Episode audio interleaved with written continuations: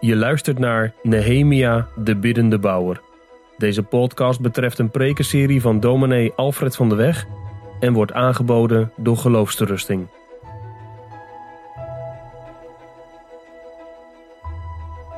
We vervolgen deze middag de prekenserie over Nehemia.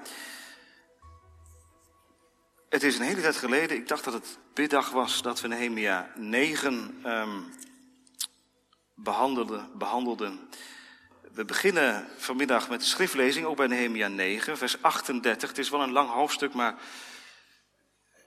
ik zag geen andere kans dan om het gewoon in zijn geheel te lezen, omdat het ook uh, hoort bij de tekst.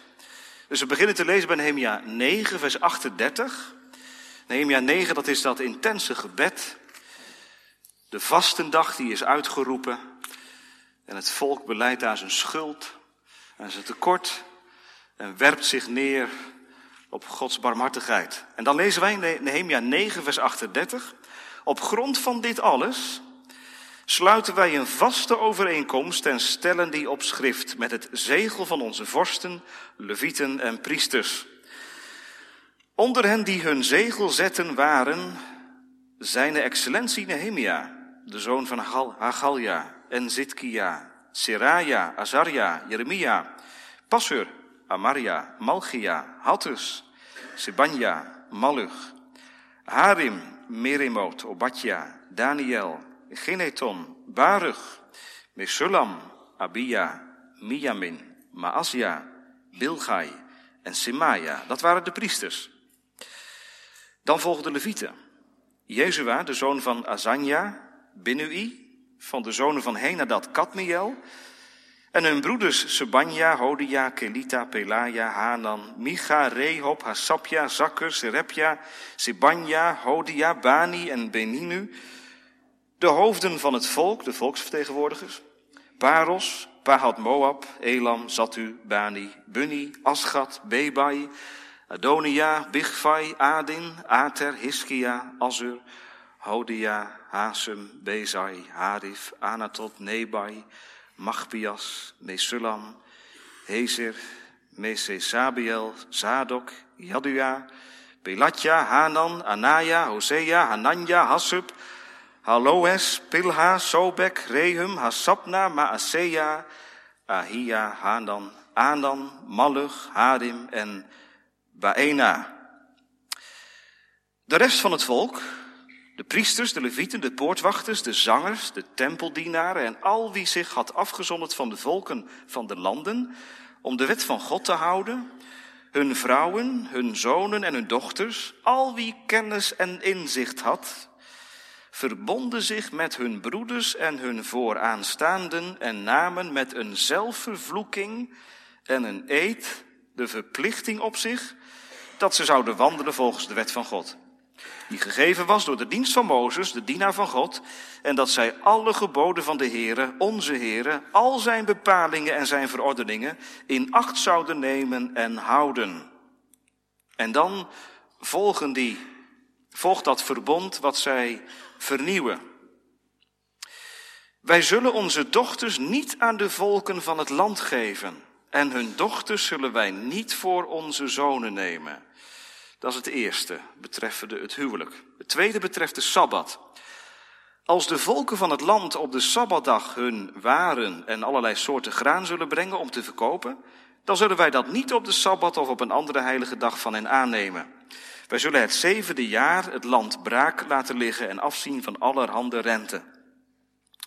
Wij leggen onszelf de geboden op dat wij een derde sikkel per jaar, een sikkel is 10 tot 13 gram, zullen geven voor de dienst van het huis van onze God, voor het uitgestalde brood en het voortdurende graanoffer, voor het voortdurende brandoffer, de sabbatten, de nieuwe maanden, voor de feestdagen, voor de geheiligde gaven, voor de zondoffers om verzoening te doen voor Israël en voor heel de dienst van het huis van onze God. Wij, de priesters, de levieten en het volk hebben het lot geworpen over het offer van het hout om dat naar het huis van onze God te brengen. Ingedeeld naar onze families, op vastgestelde tijden, jaar op jaar, om dat te verbranden op het altaar van de Heere onze God, overeenkomstig wat in de wet beschreven staat. Dus het huwelijk, vers 31, de Sabbat, vers 32, 33, 34 en dan het huis van God. Dat is ook zo'n element in dat verbond en daar gaat het vanmiddag over. Dat komt dan in vers 35. Wij nemen de verplichting op ons om de eerstelingen van onze grond en de eerstelingen van elke vrucht van elke boom jaar op jaar naar het huis van de Heer te brengen. En de eerstgeborenen van onze zonen en van onze dieren, overeenkomstig wat beschreven staat in de wet. En om de eerstgeborenen van onze runderen en van ons kleinvee naar het huis van onze God te brengen. Naar de priesters die dienst doen in het huis van onze God en de eerstelingen van ons deeg, onze hefoffers, de vrucht van elke boom, nieuwe wijn en olie zullen wij brengen naar de priesters, naar de voorraadkamers van het huis van onze God. De tienden van onze grond brengen wij naar de levieten. De levieten krijgen de tienden in alle steden waar wij werken. Ook zal er een priester, een zoon van Aaron, bij de levieten zijn, als de levieten de tiende ontvangen. En de levieten zullen een tiende van de tienden naar het huis van onze God brengen naar de kamers van het voorraadhuis. Want de Israëlieten en de Levieten moeten het hefoffer van graan, nieuwe wijn en olie naar de voorraadkamers brengen. Daar zijn immers de voorwerpen van het heiligdom. De priesters die dienst doen, de poortwachters en de zangers. En dan volgt, eigenlijk als een soort conclusie, de tekst voor de preek van vanmiddag. Wij zullen het huis van onze God niet verwaarlozen. Leer mij naar uw wil te handelen, ik zal dan in uw waarheid wandelen. Psalm 86, het zesde vers, zingen wij straks na de preek. Er zijn van die hoofdstukken in de Bijbel gemeten. Je struikelt over de namen. En wat volgt is dan behoorlijk bepaald door de tijd van toen, waardoor je je afvraagt, wat is de betekenis voor nu? Nou ja, Nehemia 9 is denk ik wel zo'n voorbeeld. Hè? We hebben samen dat hele, Nehemia 10, het hele hoofdstuk gelezen en ik kan me heel goed voorstellen dat er jongeren zijn die meelazen en die zeiden, ja, zo ging het toen. Niet meer dan interessant. En toch, is openbaring van Gods wegen. Wat is de zin, de betekenis van dit hoofdstuk voor nu? Nu, opening winterwerk. Er zijn van die hoofdstukken waar je even een stap terug moet doen. Om van een afstand ernaar te kijken. En, en dan ligt het ineens op. En dan ligt het eigenlijk ook voor de hand. Wij zullen het huis van onze God niet verwaarlozen. Dat is de conclusie van het hoofdstuk. Samenvatting van alles wat beschreven is, die namen en die verplichtingen waar het volk zich aan wil houden. Wij zullen het huis van onze God niet verwaarlozen. Dat staat in het verbond wat zij nu in Nehemia 10 gaan vernieuwen. Wat zou het geweldig zijn, gemeente, als opening winterwerk niet alleen een markeringsmoment is. Het gaat weer beginnen. Wanneer beginnen de categorisaties? Oh ja, volgende week. Vrouwenvereniging, vrouwengesprekskring? Oh ja, dinsdagmorgen. Maar dat opening winterwerk een dag van verbondsvernieuwing is. Voor degene die leiding geven, op welke wijze dan ook. Voor degene die deelnemen aan het gemeenteleven. Een dag van verbondsvernieuwing. Dat is het thema van de preek. We stellen twee vragen. In de eerste plaats, waar komt het vandaan? Hoezo? Hoe komen ze erbij om nu het verbond te vernieuwen? Wat is daarvan de reden? En in de tweede plaats, wat houdt het in? Dus een dag van verbondsvernieuwing, opening winterwerk, een dag van verbondsvernieuwing. Waar komt het vandaan en wat houdt het in? Allereerst, waar komt het vandaan? Gemeente, wij zullen het huis van onze God niet verwaarlozen. Wat vindt u daarvan? Wat vindt u ervan als een gemeentelid deze middag? De gemeente? Die verwaarloos ik niet. We gaan een nieuw seizoen in en ik zal er zijn. Trouw in de kerk, door de week, als het een beetje kan, ben ik er. Want het huis van God, de gemeente van Christus, is mijn inzet waar. Wat vindt u ervan? Kan me zo dat wel mensen zeggen, ja, dat is een mooi voornemen. Maar um, is dat niet een beetje onheilig activisme? Wij zullen. En iemand anders zegt, uh, dominee, de weg naar de hel, dat weet u, hè, is geplaveid met goede voornemens. Dus ja, wat koop je daarvoor in de gemeente?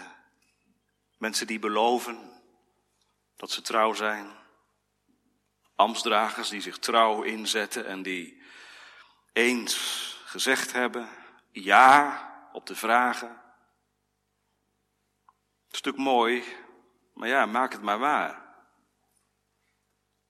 Weet je, die laatste zin van de Hemia 10 is wel heel resoluut, hè? Vindt u ook niet? Heel resoluut. Het laat het niet blauw-blauw. Wij zullen het huis van onze God niet verwaarlozen. Wij, die 84 namen hier in Nehemia 10, die 40.000 mensen vertegenwoordigen. Ja, om zoveel mensen gaat het. Wij zullen het huis van onze God niet verwaarlozen. Deze mensengemeente, laten we het nu eens positief bekijken. Deze mensen die binden zich ergens aan. Dit zijn geen mensen van halfslachtige plannen. De mensen in de Hemia's tijd, die geven zich geheel in de dienst van de Heer. Nou, dat is best een probleem in onze tijd. Niet alleen in de maatschappij, maar ook in de kerk. Mensen binden zich zo moeilijk. En mensen willen zich ook zo min mogelijk verplichten eigenlijk. Hè? Je merkt dat ook wel. Niet zoveel mogelijk eigen ruimte, ook als het gaat om inzet voor de gemeente.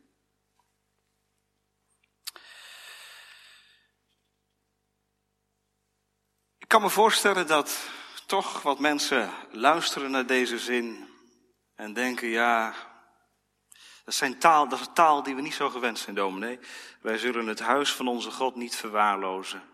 God moet doen en de Heer moet werken. En als de Heer niet werkt, dat is ook zo.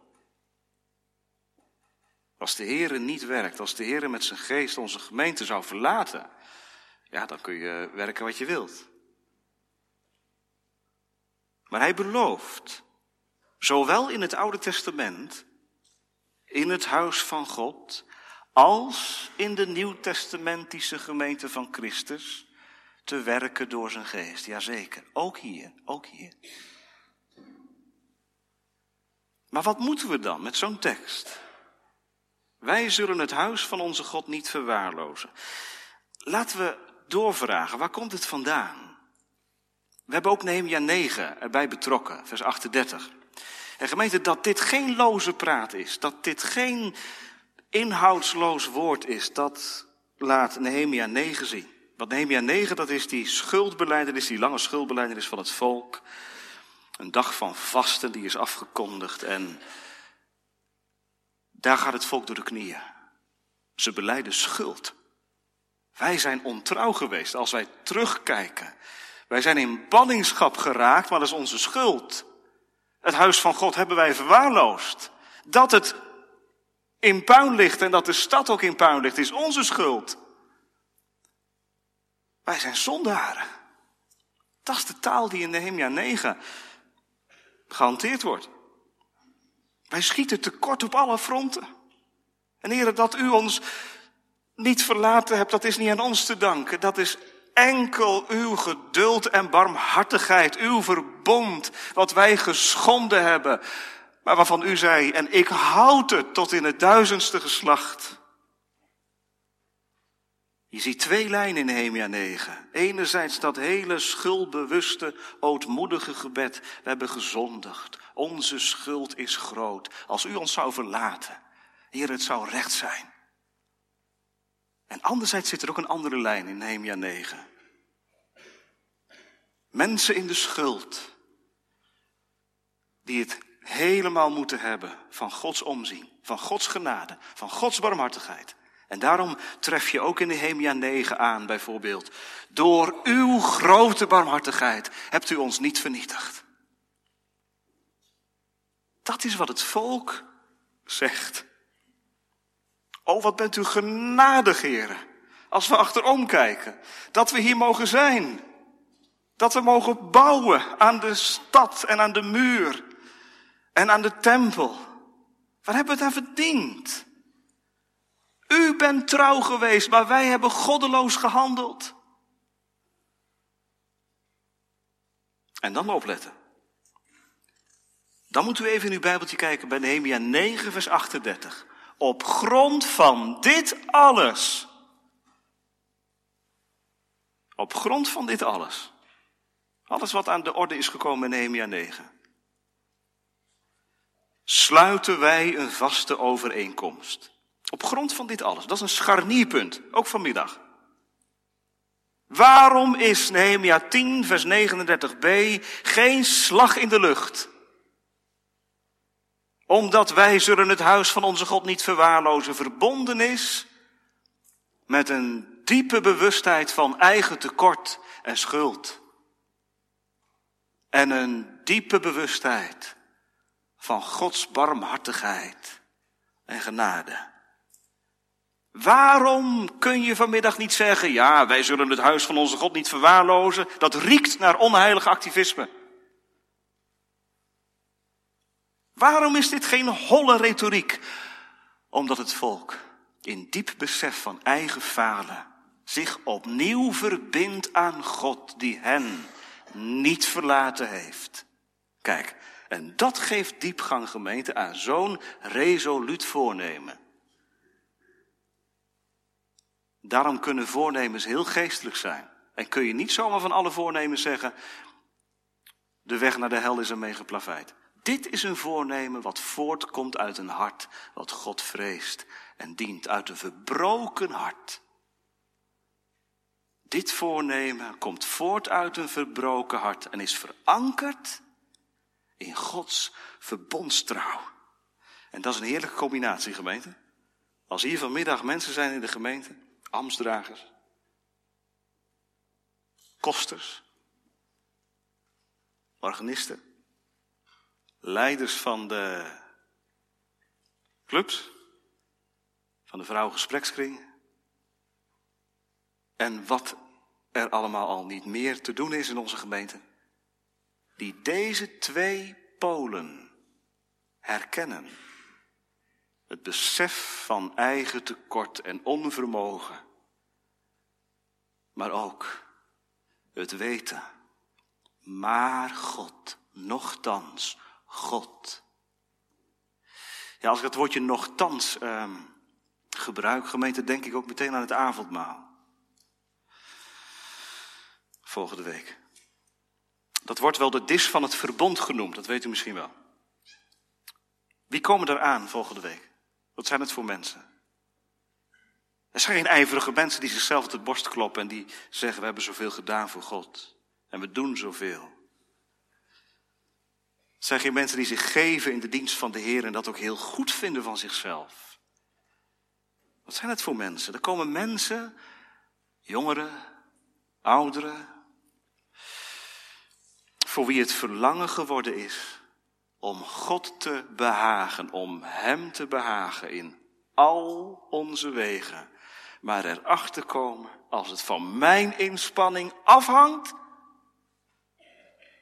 dan schiet het zo tekort. Ik ben echt aangewezen en dat leer ik meer en meer op Gods genade in Christus.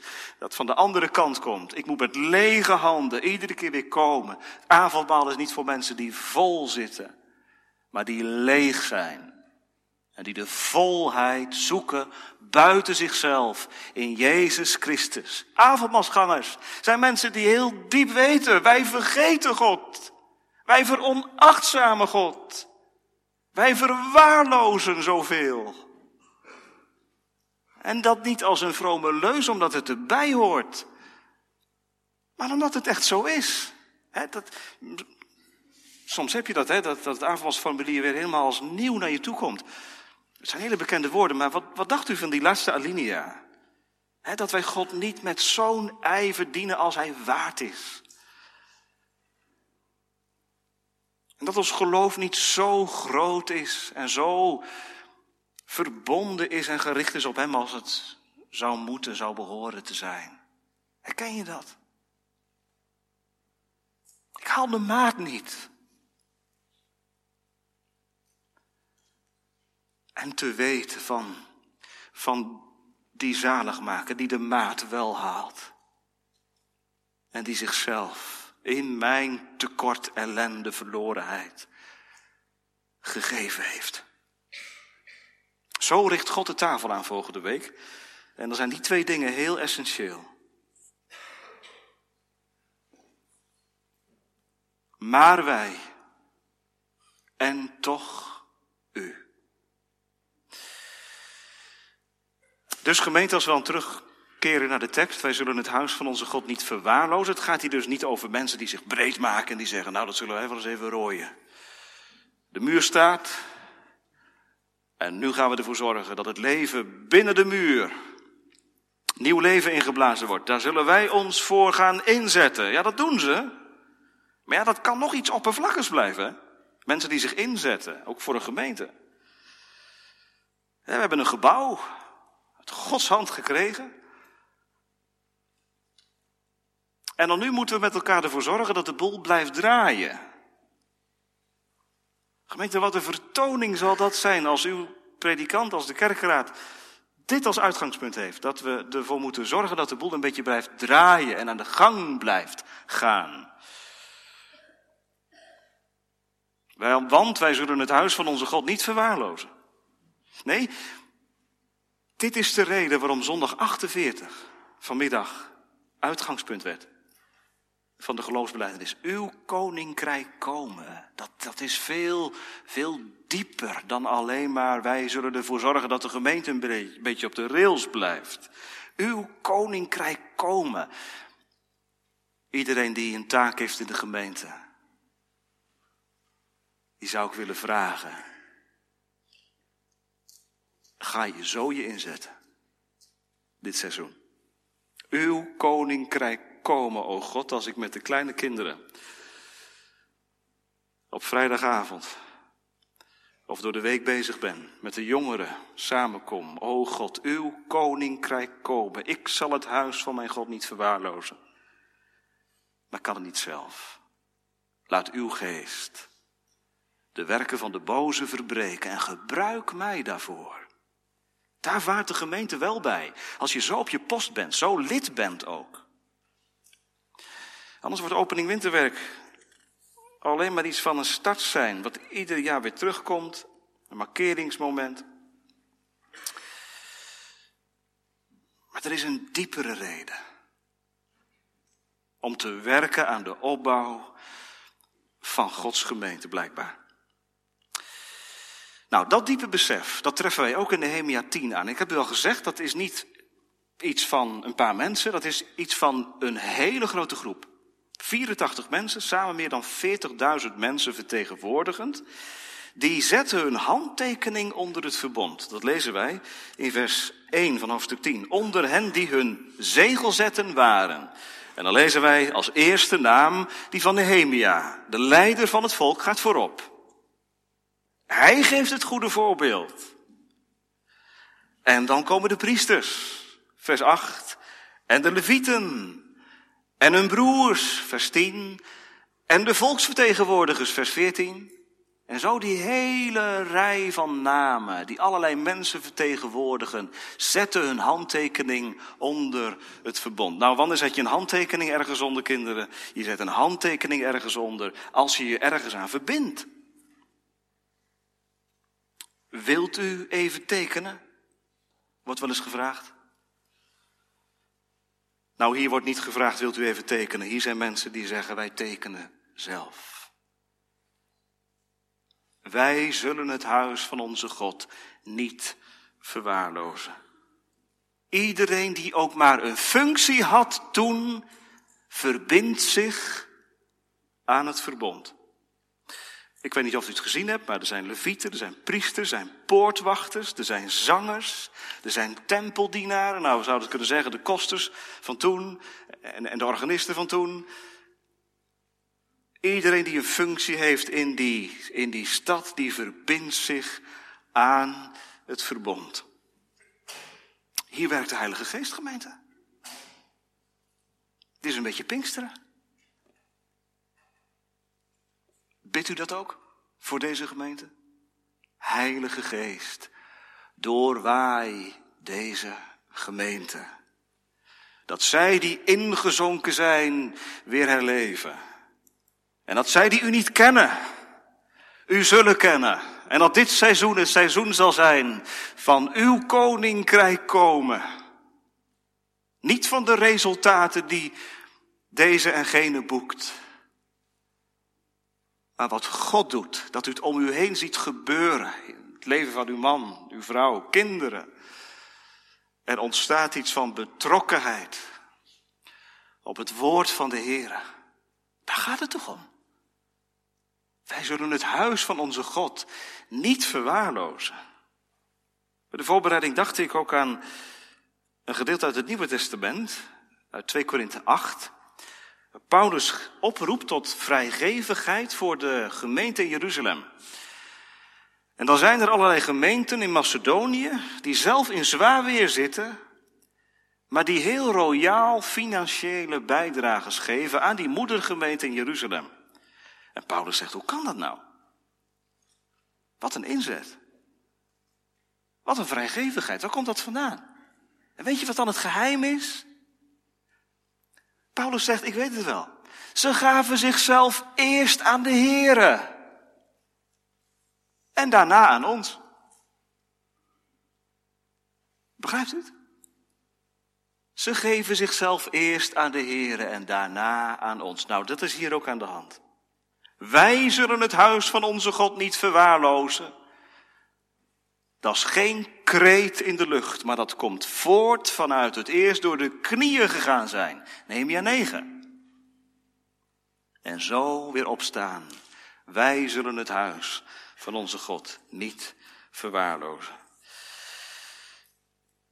Dat betekent, gemeente, dat deze mensen, hier genoemd in Nehemia 10, weten van een pas op de plaats maken. Geestelijk een pas op de plaats maken. Herkennen wij dat, eh, broeders? Herkennen wij dat, gemeente? Wat bedoelt u dan? Nou, dit. Dat voordat je een stap vooruit doet, om iets aan te pakken, iets te doen, iets, iemand te bezoeken, dat je eerst een stap achteruit doet.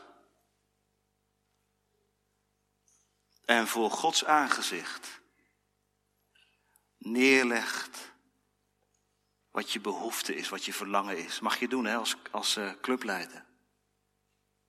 Als de dag weer dichterbij komt dat je je kinderen ontvangt. Broers, als je op bezoek moet. Geen afvinklijstje. Zo, we zijn er weer doorheen. Maar, Heere, geef dat dit bezoek iets mag betekenen uw koninkrijk komen. Gebruik mij, heren. Geef dat ik mag zwijgen en spreken zoals u het wilt. En pas op de plaats. Dat is ook avondmaal. Om nog een keer die lijn naar volgende week te trekken. Avondmaal betekent dat Gods kinderen op kracht moeten komen voordat ze stappen vooruit zetten een pas op de plaats maken. Ze gaan zitten aan de tafel.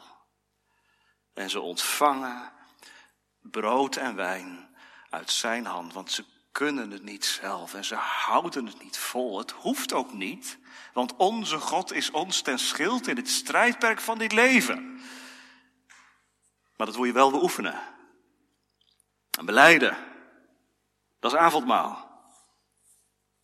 Om vanuit die omgang en vanuit wat je aangereikt krijgt, weer het leven in te kunnen. Met al zijn besonjes en met al zijn beslommeringen en moeilijkheden en noem maar op.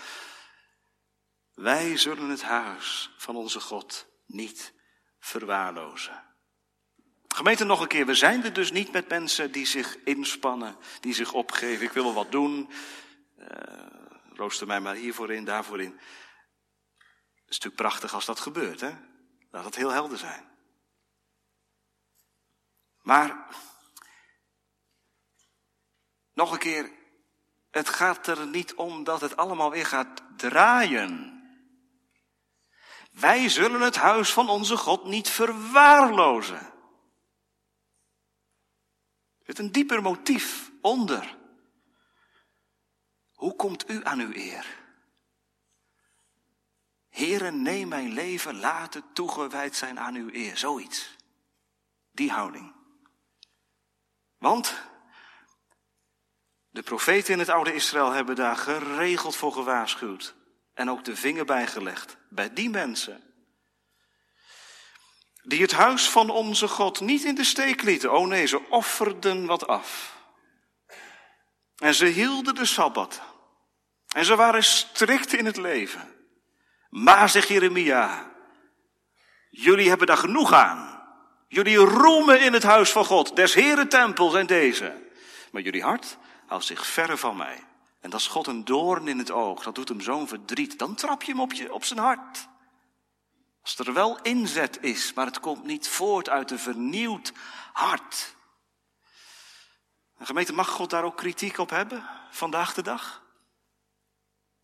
Op een onheilig, onzuiver activisme? we hebben ons daar allemaal op te onderzoeken. Of je nou dominee bent, ambtsdrager of gemeentelid. Dat je het doet voor jezelf. Voor je eigen naam. Voor je eigen roem.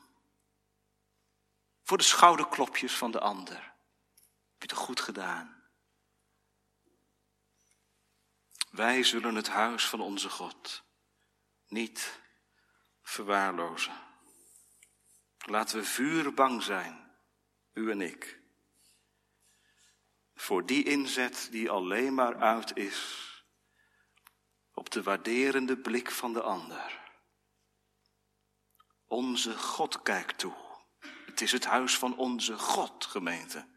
Daar zal ik straks nog iets meer over zeggen, waarom dat zo belangrijk is. Laten we naar onze tweede vraag gaan. Wat houdt het in? Ik heb al gezegd, het is niet zomaar een uitroep.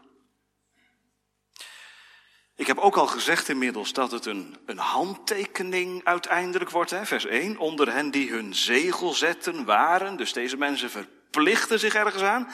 Maar nu gaan we nog een stapje verder, want we lezen nog iets anders. In vers 29, daar staat dat al die mensen die genoemd zijn in die voorafgaande versen, ze namen met een zelfvervloeking en een eed de verplichting op zich dat ze zouden wandelen volgens de wet van God.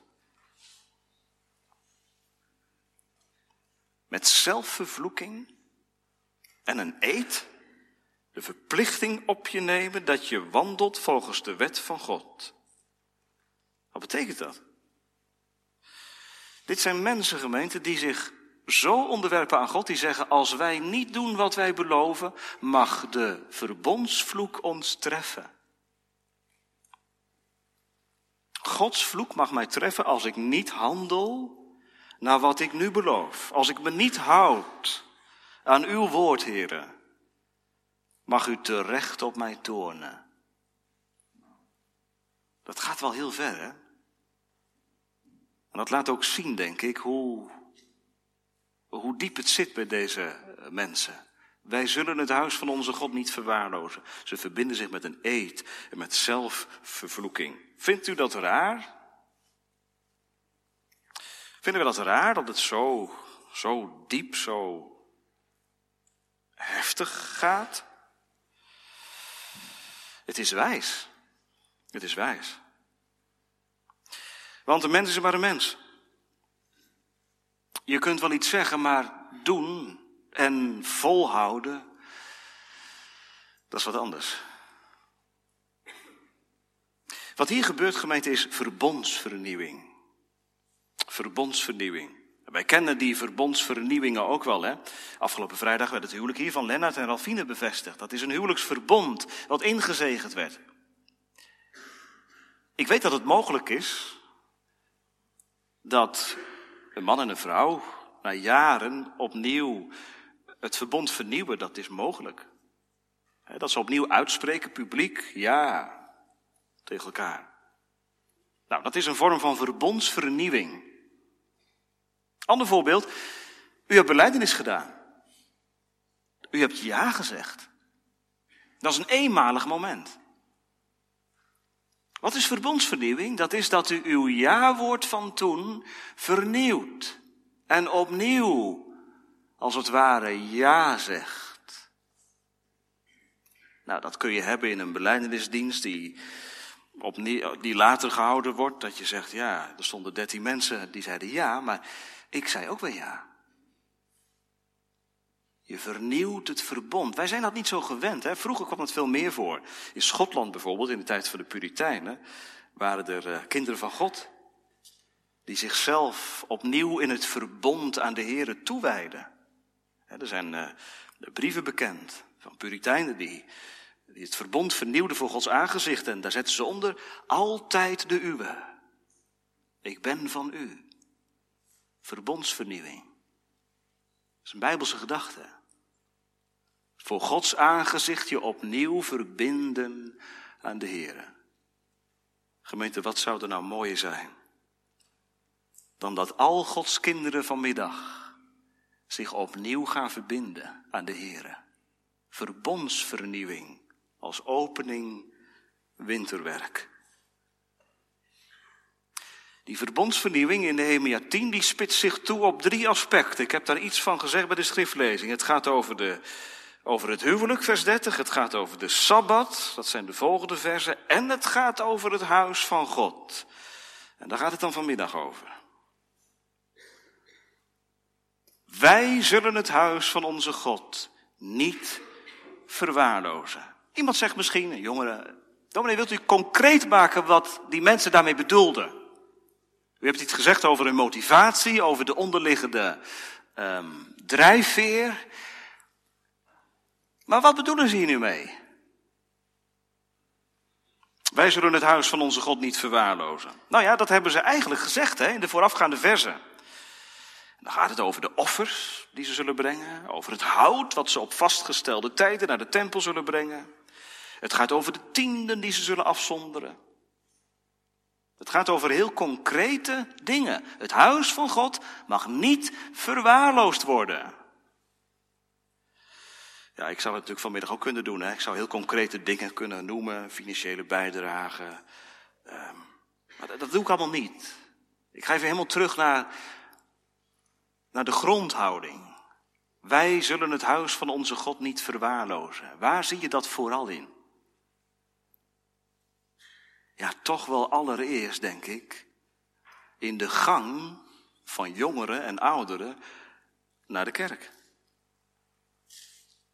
Op zondag.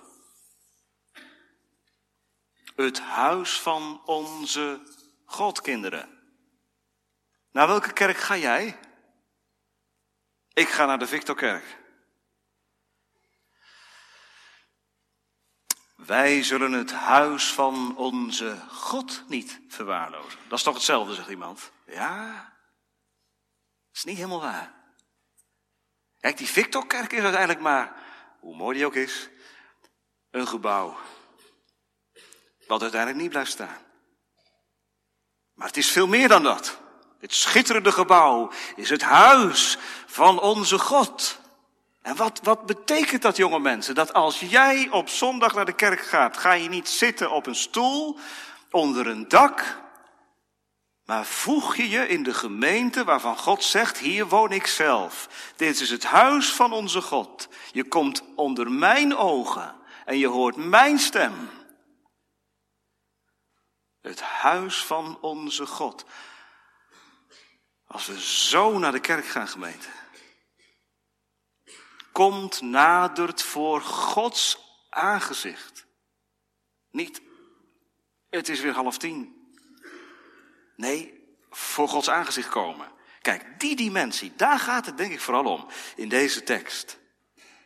Niet om bankvulling, we zijn er weer, maar om komen voor Hem, voor de levende God. En zo hebben al die mensen, die poortwachters, die zangers, die uh, priesters, die levieten, zich verbonden aan de Heer. Wij zullen het huis van onze God niet verwaarlozen. Ieder op zijn eigen manier. Als dienaar van het woord in de prediking en de zorg voor de zielen. Als ambtsdragers in de onderscheiden taken die je hebt. Een poortwachter bemoeide zich destijds niet met wat de zanger deed. Hoeft ook niet. Je hebt allemaal je taak. En de leviet was geen tempeldienaar. En dan zie ik het voor mijn gemeente. Al die verschillende taken in de gemeente. Ik zie een clubleidster voor mij. Vanmiddag luisteren naar de preek. En ze hoort de tekst. Wij zullen het huis van onze God niet verwaarlozen. En het raakt je. Dus als ik op zaterdagmorgen al die kinderen ontvang, mag ik dit in praktijk brengen? Ja. Er zitten allemaal kinderen met zielen. Daar zitten levende zielen voor je. Wij zullen het huis van onze God niet verwaarlozen. Dat eenvoudige Bijbelverhaal. Wat jij gaat vertellen. Wat je voorbereidt, misschien al zuchtend. Het is het zaad wat je strooit. Wij zullen het huis van onze God niet verwaarlozen. Je hoeft niet allemaal dominee te zijn, ouderling, diaken. Helemaal niet. Ik zie een kosten voor me. Nou, we zien ze allemaal voor ons. Ze verzorgen het huis van de Heer. Dankbaar werk. Dankbaar werk. De voortgang van het huis, van de dienst van de Heer is het waard, toch, broeders en zusters, koster?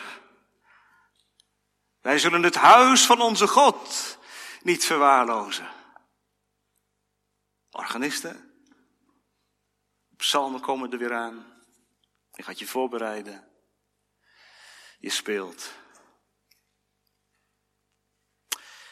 Jullie spel draagt bij aan de verheerlijking van Gods naam. Ondersteunt ons zingen.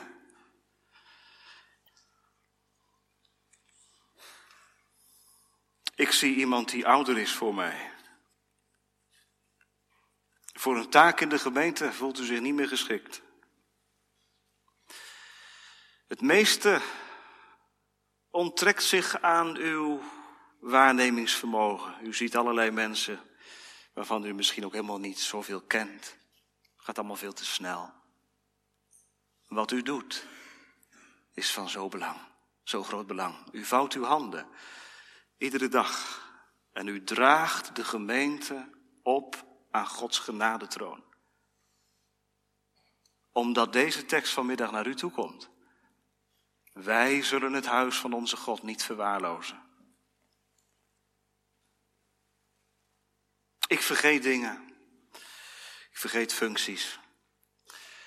Maar wat voor taak je ook hebt en hoe je ook op je post bent in de gemeente, is dit niet iets gemeente?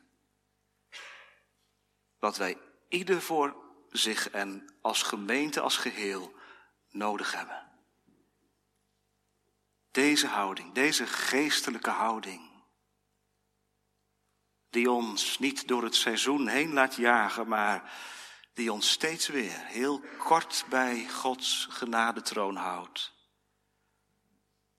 Wij kunnen het niet zelf. Wij zijn zwak. Maar gebruik mij in uw dienst. Zo is het gegaan in Nehemia 10. En zo gaat het nog. In alle gebrek.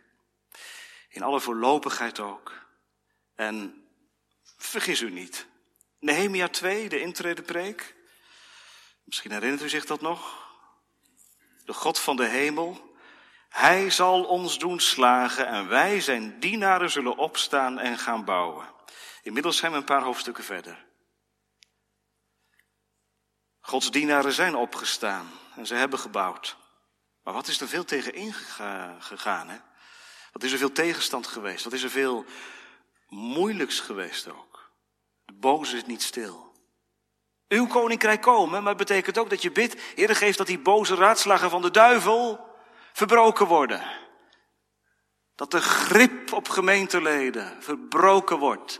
Dat mijn kinderen door uw genade behouden worden en niet in de klauwen van de boze raken. Dat. Wij zullen het huis van onze God niet verwaarlozen. Door de verdrukking heen, na de jongste dag. Hier in Apeldoorn, elders in Nederland in Apeldoorn, in de wereld.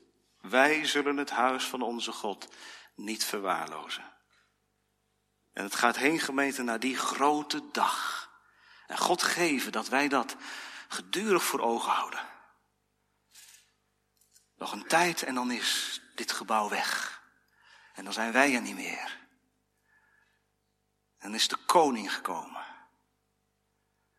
En waar zijn zijn dienaren? Waar zijn zijn onderdanen? Waar zijn zij die zich vastgeklamd hebben aan Christus en die vanuit Christus dienden, thuis en in de gemeente? Zij zullen thuiskomen bij Hem. Gemeente, het is hoopvol werk. Dienen in de wijngaard. God geven dat we zo in eensgezindheid dit komende seizoen mogen optrekken. Schouder aan schouder, jawel. In het diepe besef dat het gaat om het huis van onze God. En dat de beste gestalte is voor een dominee, voor een ouderling, voor een diaken, voor een leider, voor een leidster. De gestalte van Psalm 86. Leer mij naar uw wil te handelen. Ik zal dan in uw waarheid wandelen. Neig mijn hart en voeg het samen tot de vrezen van uw naam. Bid u mee. Amen.